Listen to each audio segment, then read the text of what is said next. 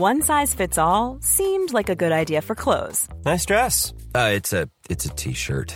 Until you tried it on. Same goes for your healthcare. That's why United Healthcare offers a variety of flexible, budget friendly coverage for medical, vision, dental, and more. So, whether you're between jobs, coming off a parent's plan, or even missed open enrollment, you can find the plan that fits you best. Find out more about United Healthcare coverage at uh1.com. That's uh1.com. Ryan Reynolds here from Mint Mobile. With the price of just about everything going up during inflation, we thought we'd bring our prices down. So to help us, we brought in a reverse auctioneer, which is apparently a thing. Mint Mobile unlimited premium wireless. Ready to get 30, 30, bit to get 30, bit to get 20, 20, 20, bit to get 20, 20, bit to get 15, 15, 15, 15 just 15 bucks a month. So, Give it a try at mintmobile.com slash switch. $45 upfront for three months plus taxes and fees. Promo rate for new customers for limited time. Unlimited more than 40 gigabytes per month. Slows. Full terms at mintmobile.com. Hey, it's Ryan Reynolds, and I'm here with Keith, co-star of my upcoming film, If, only in theaters May 17th. Do you want to tell people the big news? All right, I'll do it. Sign up now and you'll get unlimited for $15 a month in six months of Paramount Plus Essential Plan on us. Mintmobile.com slash switch. Upfront payment of $45 equivalent to $15 per month. Unlimited over 40 gigabytes per month. Face lower speeds. Videos at 480p. Active Mint customers by 531.24 get six months of Paramount Plus Essential Plan. Auto renews after six months. Offer ends May 31st, 2024. Separate Paramount Plus registration required. Terms and conditions apply if rated PG. Helt siden de første menneskene slo seg ned i Trøndelag, har det blitt observert underlige lys over Hessdalen. Fenomenet har blitt forsøkt bortforklart som syner sett av bygdetullinger og deliriske hallusinasjoner forårsaket av den lokale drikkekulturen. Men det skulle vise seg at fenomenet stakk langt dypere, når Hessdalen-fenomenet fikk verdensomspennende oppmerksomhet i ufo-miljøet på 1980-tallet. Fenomenet er fremdeles der, og det er fremdeles like uforklarlig som den gang. I 2024 kommer en podkastserie i seks deler produsert av Project Hessdalen, som kanskje en gang for alle skal finne svar på hva som rører seg på himmelen i denne bortgjemte dalen i Trøndelag. Serien har som seg hør og bør fått tittelen A Blaze in the Northern Sky, og den kommer til din favorittpodkastavspiller i 2024. Mennesket har ikke et enkelt jeg, men det er istedenfor hundrer og tusener av små enkeltstående jeg som ofte ikke kjenner til hverandre, aldri kommer i kontakt eller til og med er fiendtlige overfor hverandre, gjensidig utelukkende og inkompatible. Hvert minutt, hvert øyeblikk mennesket sier eller tenker jeg, er hans jeg forskjellige. Akkurat nå var det en tanke, nå er det attrå, nå en følelse, nå en annen tanke, videre, i evighet. Mennesket er i flertall, og hans navn er legion.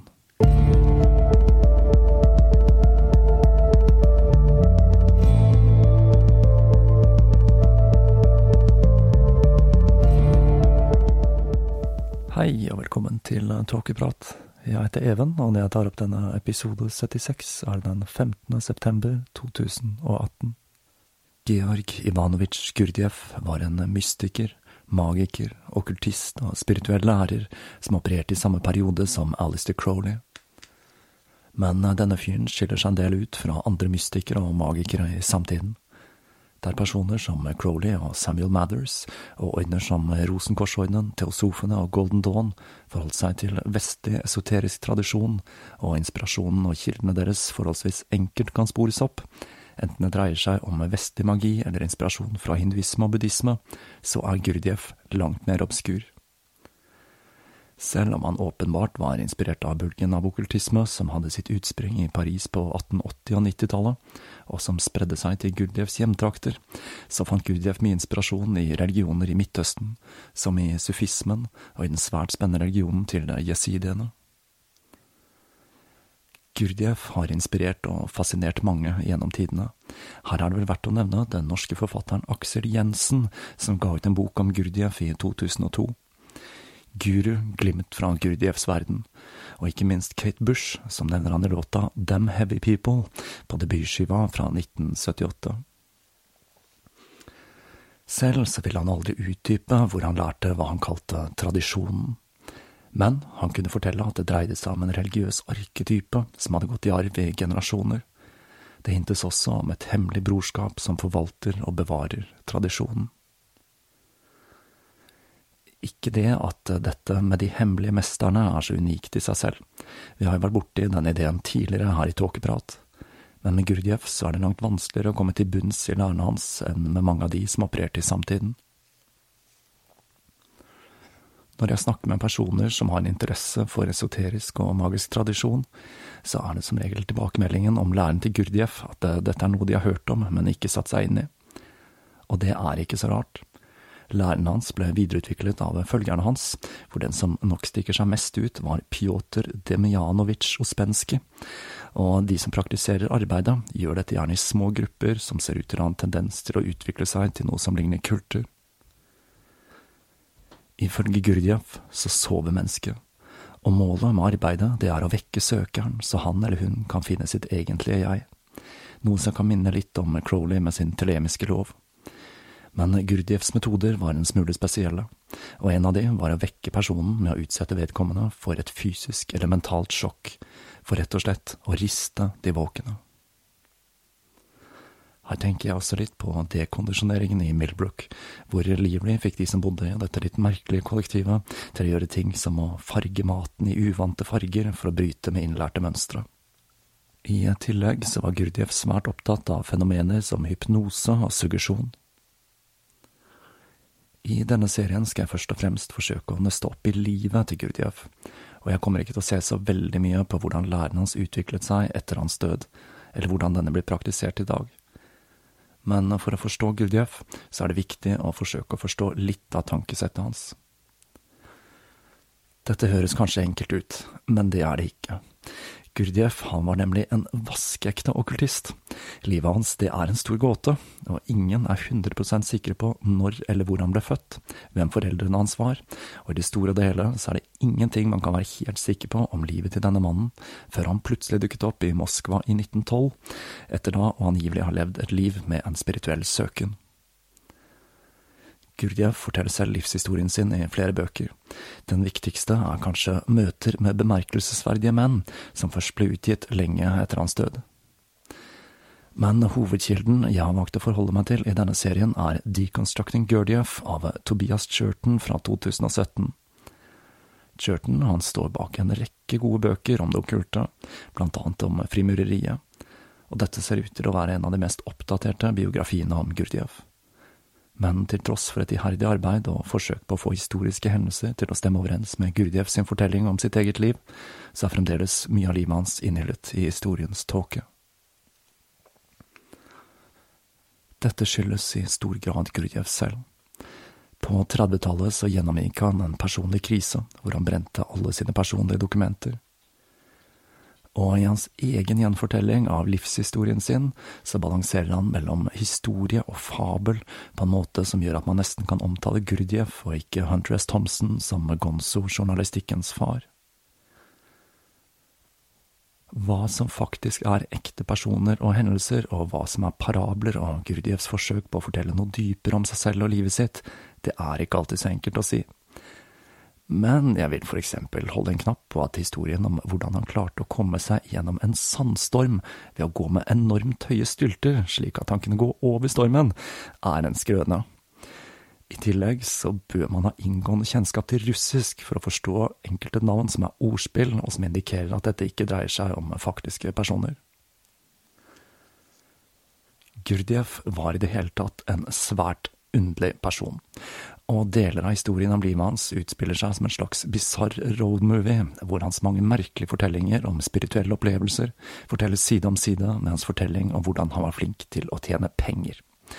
Enten ved å lære seg et nytt yrke, eller finne en ny måte å omsette varer på. I det store og det hele, én ting kan sies om Gurdjieff, han var street smart, han var rett og slett en driftig kar. I tillegg så byr denne fortellingen på en rekke språklige og historiske utfordringer, for jeg kan med hånden på hjertet si at denne del av de landene vi skal innom i denne fortellingen, er like kryptiske for meg som Valakia i historien om Vlad Tepers. Russisk og armensk er ikke akkurat språket jeg er god på, så dere får ta uttalen min av steds- og personnavn med en klype salt. Så da setter vi i gang med fortellingen om en svært obskur figur, og den første og mest obskure delen av livshistorien hans.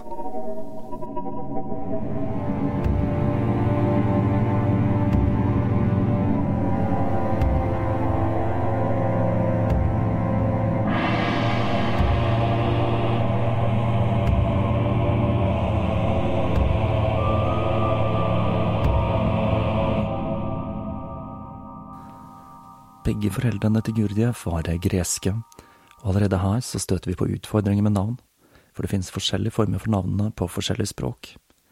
Men for å gjøre det hele enkelt, så kaller jeg de for Ivan og Evodokia. De flyktet fra Tyrkia til Georgia og senere Aleksandropol, som i dag heter Kumairi og ligger i Armenia. Familien hadde flyktet til hva som den gang var et russisk okkupert territorium for å rømme fra tyrkisk forfølgelse. Når Gurdjieff faktisk ble født, er ikke visst. Et årstall det er vanlig å operere med, er 1877, men han kan også ha blitt født utenfor ekteskapet rundt 1866. Men dette årstallet er langt mindre sannsynlig, da dette fører til flere uoverensstemmelser senere i historien.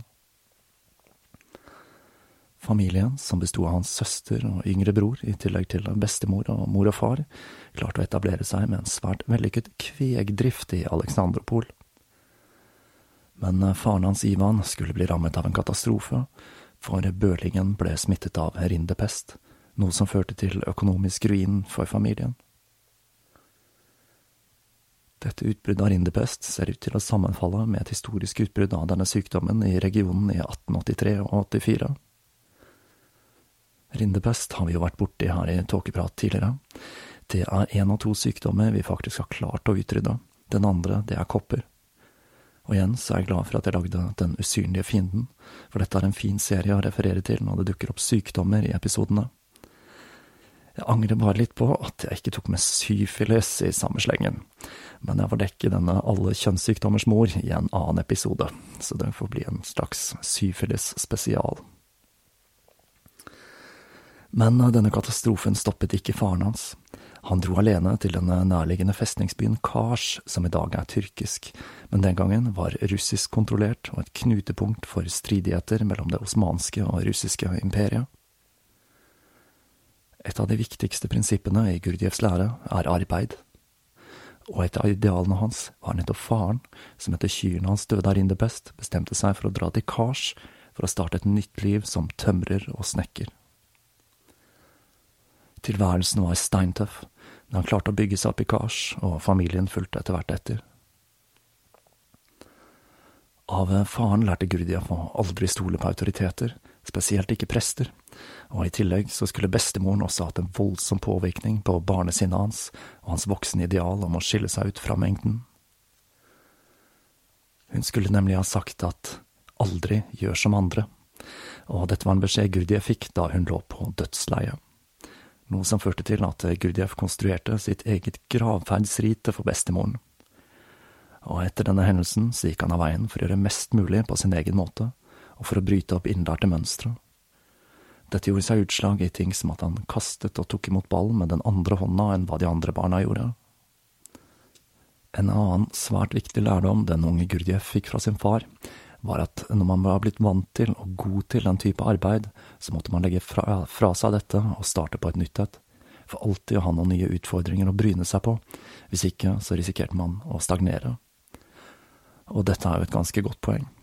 Rolling Stone gathers no moss, som en vismann en gang sa. Det var enda en egenskap som faren hans hadde som skulle være svært viktig for den unge Gurdjieff. Ivan var en asjuk, eller en tradisjonell folkesanger. Han tok med seg sønnen når han reiste for å bli med på treff for asjokker. Jeg vet ikke om det bøyes på den måten, men det får nå bare være. Uansett så førte dette til at Gurdjieff fikk reist og sett seg om i Persia, Kaukasus, Tyrkia, Armenia og Aserbajdsjan i svært ung alder. Disse tradisjonelle sangene og måten de hadde gått i arv muntlig i generasjon etter generasjon, fikk Gurdjieff til å tenke på dette som et slags kollektivt minne. Og nettopp dette med muntlige tradisjoner og religioner er noe vi skal komme tilbake til senere, og som står sentralt i Gurdjieffs egen tradisjon.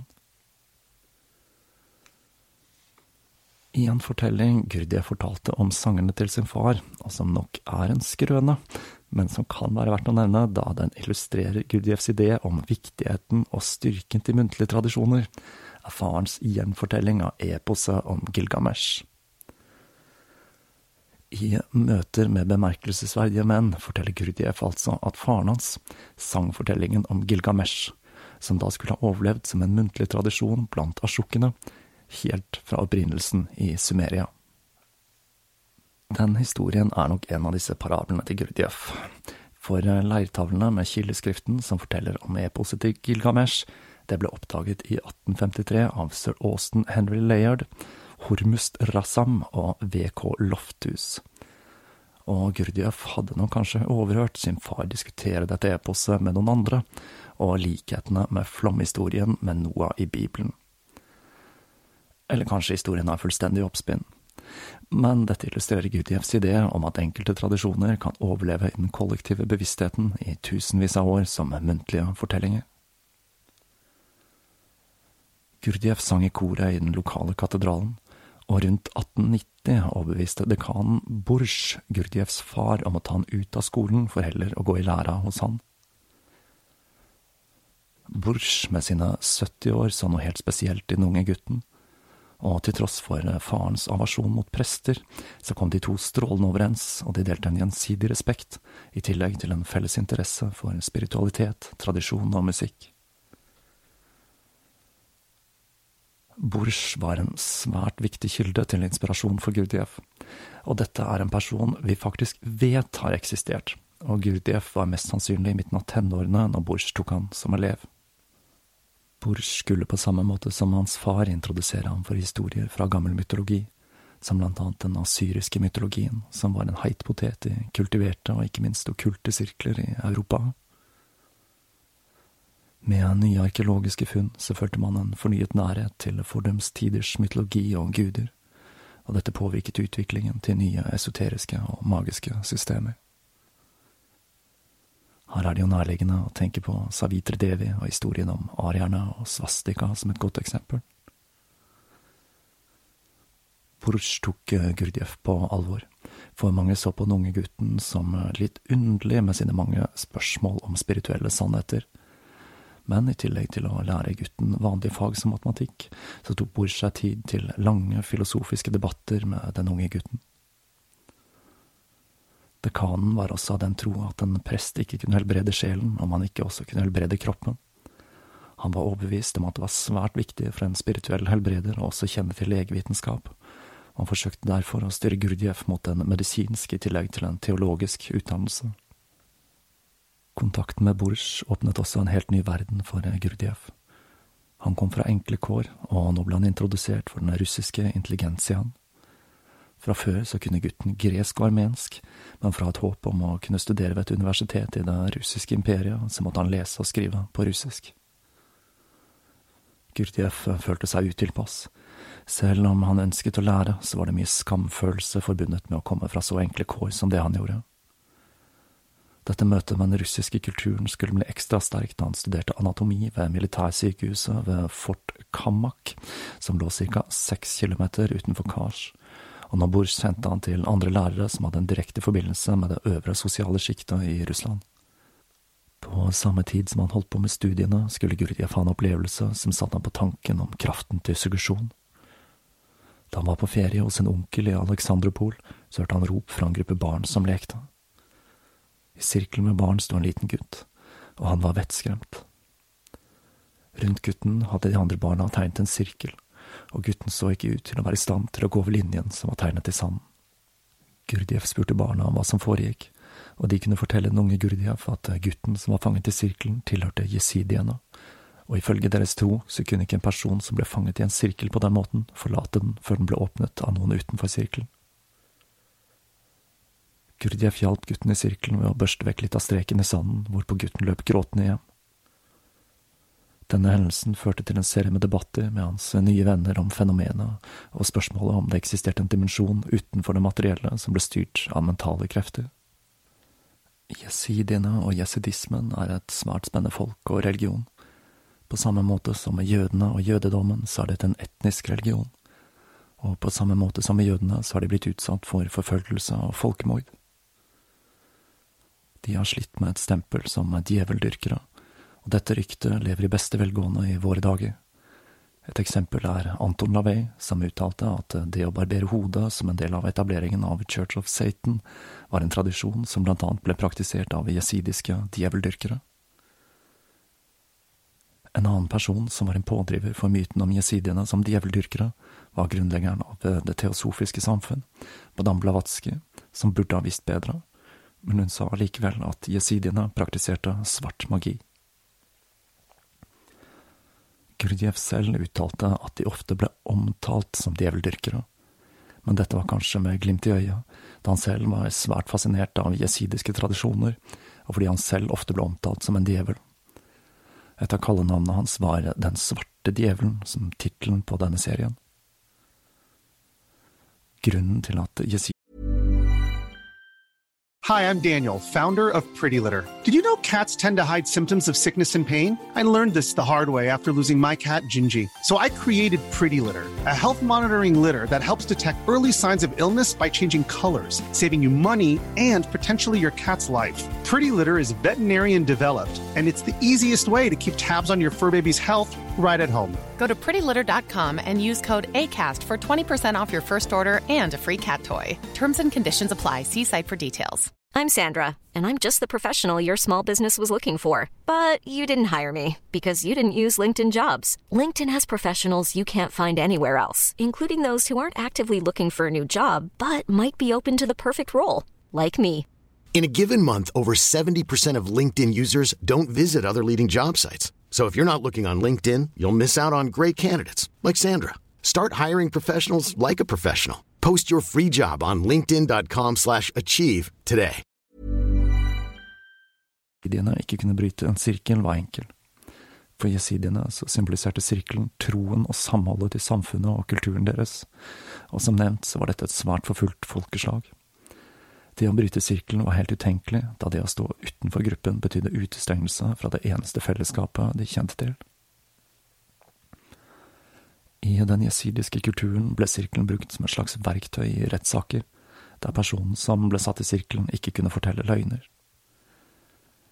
Denne tradisjonen sitter så dypt i dette folkeslaget at eh, selv om gutten Gurdjieff observerte den dagen, neppe kjente til årsaken til at han ikke kunne bryte sirkelen, så satt denne troen så dypt i han at eh, det å bryte den var utenkelig. Jesidismen er en svært interessant religion basert på muntlige tradisjoner fra Midtøsten, og jesidiene hevder selv at deres religion er verdens eldste. Jeg kommer tilbake til jesidiene og deres religion senere i denne serien, for tiden er inne for å torpedere noen av mytene om disse såkalte djeveldyrkerne, og løfte fram noe som faktisk er en svært spennende religion. For Gurdjieff så var dette hans første møte med suggesjon, og senere skulle han lansere ideen om at vi alle lever under suggesjon i en slags kollektiv massehypnose.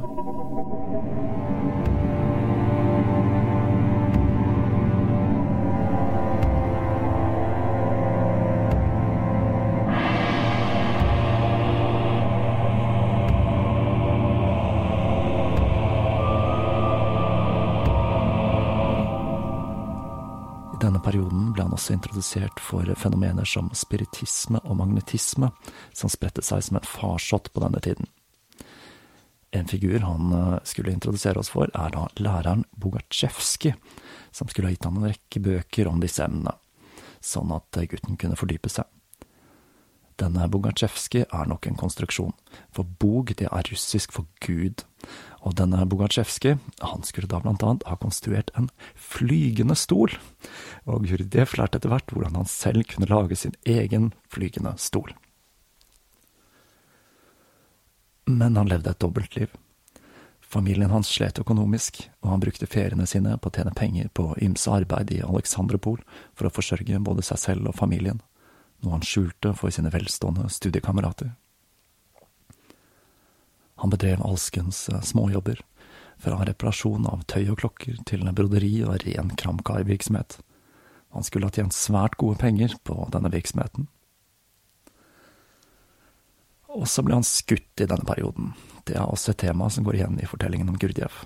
Han blir ofte skutt. I dette tilfellet så hang skuddramaet sammen med en spådom tanten hans hadde fått fra en halvgæren spåkone som hadde forutsett at Gurdjieff skulle bli skutt, og advart om at han måtte være forsiktig om det var skyting i nærheten. Og dette skjedde når han var på andejakt med noen av sine studiekamerater, og et skudd gikk av som gikk gjennom beina hans og skadet han stygt, men som heldigvis ikke traff bein. Nå trodde jeg at man jakter ender med hagle, så enten så er dette en skrøne, eller så brukte man rifle til dette i Armenia back in the day. Uansett så skulle spåkonen komme med flere spådommer etter dette, og ifølge Gurdjieff så gikk alle i oppfyllelse. Flere mystiske opplevelser skulle følge. Bors kjente han til flere klostre og religiøse skoler, og Gurdjieff begynte å søke etter det mirakuløse i religion. I denne perioden møtte han enda en person som nok er fiksjonell, eller løselig basert på noen han kjente, nemlig Mr. X, eller kaptein Pogossian.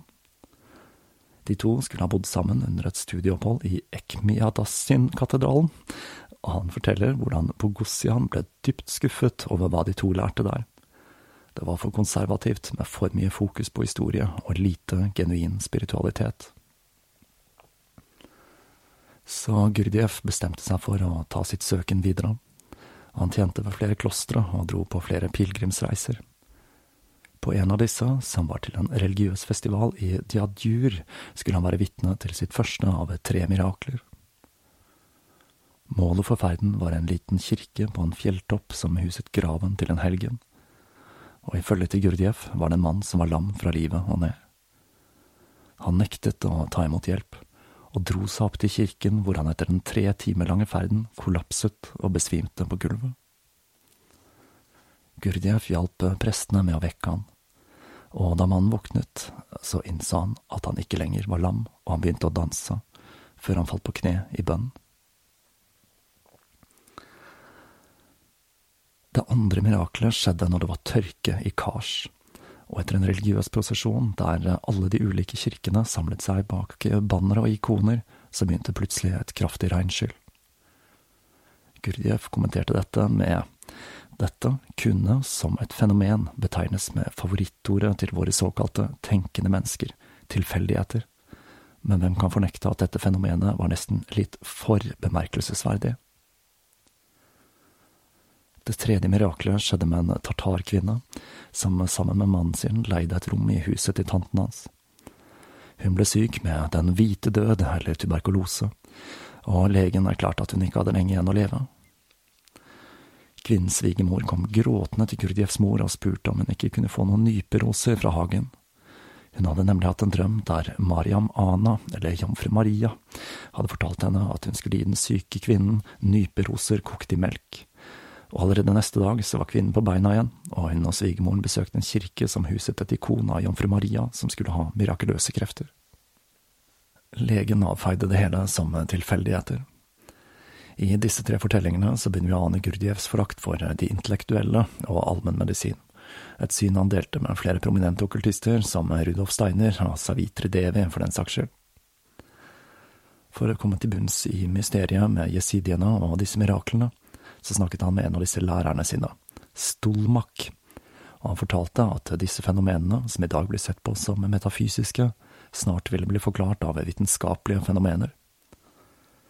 Denne debatten Gurdjieff hadde med sin kanskje fiktive, kanskje virkelige lærer, speiler en debatt som pågikk i Frankrike i samtiden, mellom Hippolyte Bernheim fra Nancy og Jean-Martin Chacon fra Paris. Bernheim han var en tilhenger av hypnose, og mente at det å kunne bli hypnotisert var en iboende egenskap i mennesket. Mens Charcot mente at det å kunne bli påvirket av hypnose var en mental lidelse som i all hovedsak skyldtes hysteri. Hysteri, det var en flott diagnose som The American Psychiatric Association beholdt helt fram til 1980 og det var kvinner som oftest ble rammet av disse ukontrollerte utbruddene som kjennetegnet hysteri. Han trodde at dette skyldtes vandrende livmor, og hysteri kommer fra det greske hystera, som betyr nettopp livmor.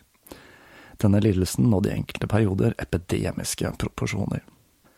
Kuren mot hysteri, det var orgasme, og dette var noe pasienten kunne få av legen med en såkalt bekkenmassasje, som om man lyktes ville utløse en såkalt hysterical paroxysm, som selvsagt ikke hadde noe med seksuell nytelse å gjøre, den slags var forbeholdt menn. Men legestanden klaget på at dette var slitsomt og tidkrevende, noe som førte til introduksjonen av de første vibratorene på slutten av 1800-tallet. Litt medisinhistorie der, altså, men tilbake til vår greske bartemann. Senere skulle Charcot gi seg og anerkjente hypnose som en terapeutisk teknikk, og selveste Sigmund Freud skulle senere studere under Charcot. En annen som studerte under Charcot, var doktor Gerard Encosse, som kanskje er best kjent som Pappus. Pappus var en bauta i den franske okkulte bølgen. Han var en tilhenger av ideen om at metafysiske fenomener ikke kunne forklares rent materialistisk, men at noen fenomener hadde en ren åndelig eller mental opprinnelse. Pappus sto bak en stor spiritist- og spiritualistkongress i Paris i september 1889, hvor 500 okkultister, svedenborgianere, teosofer og lignende fra 17 forskjellige land debatterte hvorvidt metafysiske fenomener var interne eller eksterne, altså om de oppsto i psyken eller på grunn av en kraft utenfor mennesket. Denne kongressen tiltrakk seg hele 40 000 tilskuere som fulgte med i debatten, der noen av de største esoteriske tenkerne i samtiden var samlet. Pappus skulle selv ta turen til Russland noen år senere. Han var, som Gurdjieff, svært skeptisk til teosofene, og han meldte seg ut av den losjen han tilhørte, i 1890. Gurdjieff trodde selv at mennesket hadde noe ved seg som overlevde når kroppen døde. I Kars så trodde man på Gurnak, som var onde ånder som kunne besette de døde sjeler, og som manifesterte seg fysisk ved å etterligne den nylig avdøde. Jeg lurer på om jeg ikke var borti de i episoden Nattens barn. Han var også av den tro at mentale krefter kunne påvirke hendelser på avstand, noe en voodoo-lignende episode med hans far understreker, der han eh, med faren til stede brukte en slags voodoo-dukke til å fremprovosere blødende sår på et medium han hadde hypnotisert men den kanskje mest spektakulære påstanden var at han med mentalkraft kunne drepe en jakkokse på 16 kilometers avstand. Kanskje var det bra at mannen sverget å kun bruke kreftene sine til det gode i 1911. Den neste store hendelsen som skulle føre til store omveltninger i livet til Gurdjieff, skjedde en eller annen gang på 1890-tallet. Historien starter med at eh, Gurdjieff drømmer om å dra til eh, Tiflis i Georgia for å synge i erkediakons kor. Gurdjieff og en annen gutt, Pjotr Karpenko, var forelsket i samme jente, og for å finne ut av hvem av dem som fortjente å vinne jenta, så utfordret de hverandre til duell. Og det på ganske dramatisk vis. De to guttene bestemte seg for å ta oppgjøret til artilleriskytebanen like i nærheten. De to kjente banen godt, for de pleide å snike seg der natterstid for å stjele kobber og bly som de solgte videre. Planen var denne. De to skulle gjemme seg i hvert sitt krater i nærheten av målene, og den som overlevde, skulle få jenta. Hva jenta mente om det hele, det vites ikke. Dette skulle merkelig nok vise seg å bli en svært dramatisk opplevelse for de to guttene. Mens artilleri haglet ned rundt ørene på Gurdjieff, ble han grepet av en frykt han aldri hadde kjent maken til. I løpet av den opplevelsen sto tiden stille, og han så verden med en klarhet han aldri hadde hatt før. Etter bombardementet fant han Karpenko såret i krateret sitt. Alle tanker om jenta var borte, og fra det øyeblikket så han på Karpenko som sin bror. Han skulle senere bli med Gurdjieff og hans lille bande Sannhetssøkerne på hans mange reiser. Om denne gruppen, Sannhetssøkerne, faktisk eksisterte, det er svært tvilsomt. Dette var mest sannsynlig en metafysisk og idealisert spirituell gruppe. For selv om Gurdjieff i perioder omga seg med venner, så gjorde han mye av reisevirksomheten sin på egen hånd, da han nok var ganske sær å henge ut med i lengre perioder. Historien om denne duellen er svært viktig for å forstå metodene til Gurdjieff. Opplevelsen han hadde av å se alt klart ved å bli utsatt for et voldsomt sjokk, skulle senere bli sentral, en sentral metode i systemet hans og en av grunnpilarene i hans vei til selvutvikling. Denne duellen trekker også en annen svært spennende figur inn i fortellingen.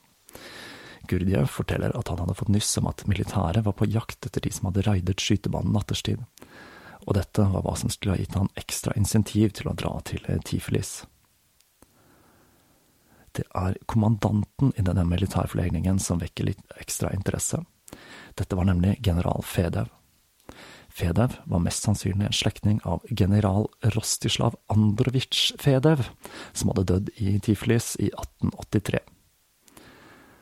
Denne generalen han hadde da blitt kristen før et slag i Kars under Krimkrigen, som var en krig mellom Russland og Det osmanske riket og deres allierte, som pågikk mellom 1853 og 56. Etter å ha overlevd slaget, så ble han dypt religiøs og interessert i spiritisme, mystisisme og teosofi. Da dette virkelig ble gøy, er når man oppdager at Fede var onkelen til ingen ringere enn Helena Blavatsky, Navnet Blavatsky var nemlig et hun fikk da hun giftet seg med en langt eldre armensk diplomat i nettopp Tiflis. Jeg skal ikke gå så altfor tett innpå Blavatsky i denne serien, hun fortjener sin egen. Men det som er litt artig, er at Gurdjieff hevder at han fulgte i Blavatskys fotspor i ni år, før han forkastet hennes lære og forkjærlighet for India og seanser.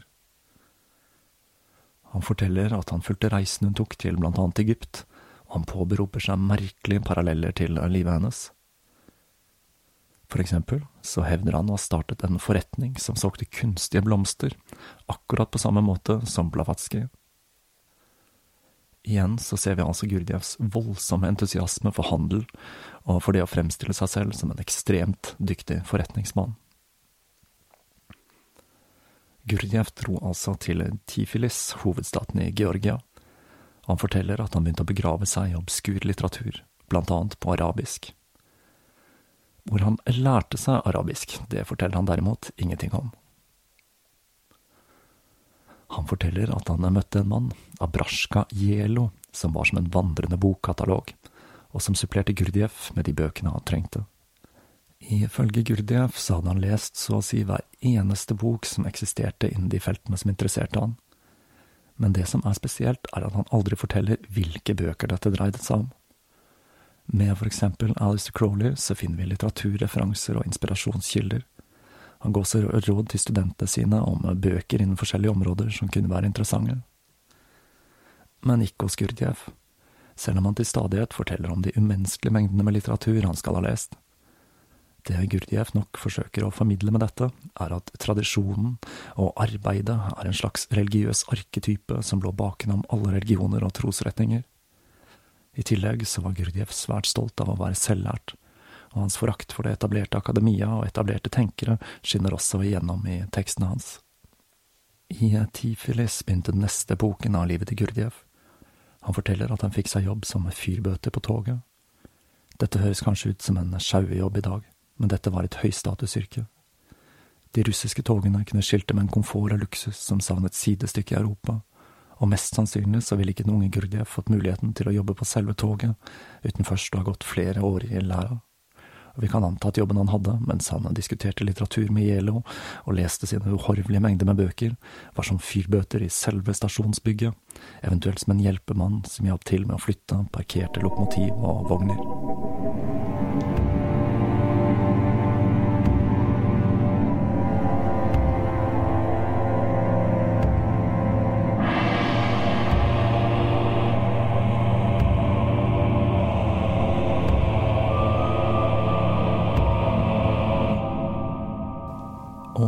Forlater vi Georg Gurdjieff for denne gang, på togstasjonen i Tifelis. Denne delen av historien er spesielt utfordrende å gjenfortelle, da dette er mer en historie basert på noe som kan være virkelige hendelser, mer enn historiske fakta. Dette blir heldigvis litt enklere etter hvert som historien skrider frem, og det dukker opp mer og mer dokumentasjon om livet og læren til Gurdjieff. Like fullt så syns jeg dette er en spennende historie å grave seg ned i og historien han forteller sier en hel del om hvem han var eller hvem han ønsket å være, selv om mange av de nok er fiksjon. Som jeg sa i begynnelsen av denne episoden, så kan man på mange måter se på Gurdjieff som en forløper til Hunter S. Thompson med sin gonzo-journalistikk, der man aldri kan være helt sikker på hva som er fakta og hva som er fiksjon. Men noe er nok sant, for enkelte av personene i fortellingen har senere blitt bekreftet som faktiske historiske personer. Og innimellom så glimter Gurdjieff til med noen skikkelig dype og gjennomtenkte godbiter med en helt egen vri. Og dette er noe av det som gjør Gurdjieff til en spennende og unik person. Så frem til neste episode så kan du jo forsøke å riste deg ut av din rasjonelle komfortsone. Om det ikke frister å bli med i et Gurdjieff-kollektiv, så kan du kanskje riste deg og andre litt løs ved å tipse venner om denne podkasten, følge Tåkeprat på sosiale medier, eller ved å gi podkasten en god rating hvor enn du hører den. Det hjelper til med å gjøre podkasten mer synlig. Da gjenstår det bare å takke alle dere som støtter podkasten på Patrion.